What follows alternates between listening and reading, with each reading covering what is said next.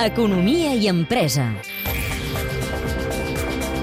L'actualitat empresarial, laboral i econòmica a Catalunya Informació.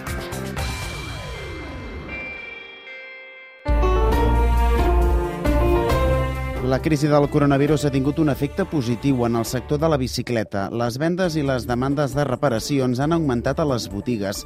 Les primeres estimacions xifren la pujada en un 20 i un 50% respectivament.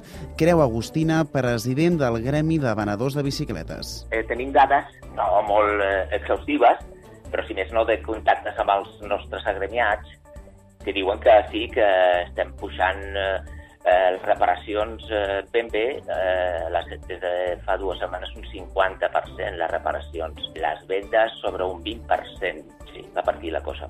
També ho han notat a les botigues de bicicletes plegables. És el cas de Folding Bike House a Barcelona, on les vendes han augmentat respecte a altres anys. Lluís Ferrer és el responsable de la botiga. Hem notat molt augment, de fet, tant en clients que volen comprar la, la, la bici per primer cop com clients que la tenien guardada i ara la volen tornar a fer servir. A nivell de vendes, podria dir que un 40% d'augment respecte al mateix període de l'any anterior.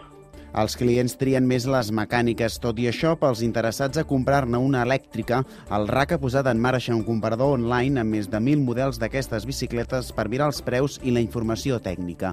L'eina permet filtrar els vehicles per categories. Josep Mateu és el president del RAC. És un instrument que és eh, primer, el, el primer que es fa a l'estat espanyol, és únic, i en el que estem tota l'oferta disponible de bicicletes per poder aconsellar o que la gent es pugui ser aconsellada sobre quin tipus de bicicleta necessita, per l'activitat que fa o per la disponibilitat que té a casa seva d'espai, etc.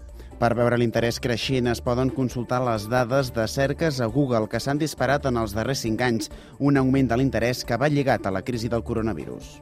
Finalment és, és, és, és directament eh, ve directament de, de la pandèmia. Això està claríssim. Un 40% d'un mes per l'altre no, no passa mai. En el cas de grans ciutats com Barcelona, un dels problemes és on aparcar les bicis. Mentre no es creen grans aparcaments públics o s'amplien els actuals, hi ha empreses que fan diverses propostes. És el cas de Badebike. Marta Requesens és la seva directora general. Hi ha no només la seguretat en el vehicle, sinó també la seguretat personal. I en aquest sentit doncs, hem ofert un servei eh, 365-24-7 amb un claus en mà, eh, on l'empresa doncs, pot gaudir d'aquest servei en benefici de l'empresa i dels seus eh, treballadors. Uns aparcaments per bicicletes amb els quals s'aprofita millor l'espai. Posem 10 places d'aparcament de bicicleta o patinet i si aquestes places són a més a més de rotació, doncs això es multiplicaria per, per dos.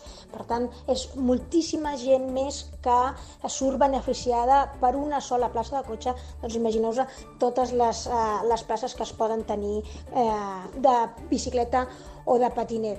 Tot plegat, segons el sector, per canviar el paradigma de mobilitat del futur, però encara és aviat per saber si l'augment de vendes serà puntual o estructural. Evidentment t'ajuda quan portes dos mesos tancats obrir i que la botiga se t'ompli. Però també hem de, hem de valorar això, no, no ho podem valorar encara.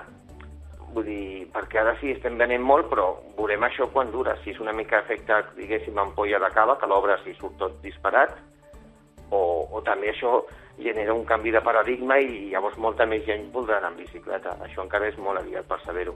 Per impulsar el sector, alguns governs, com el del País Valencià, han anunciat ajudes de 75 euros per comprar bicicletes i patinets i de 250 si són elèctriques, una mesura que també han aplicat governs europeus com el d'Itàlia. És un reportatge del Jordi Barranca amb el muntatge musical de Blai Iniesta. El teniu ja disponible al podcast de l'Economia i Empresa. Economia i empresa. A Catalunya Informació.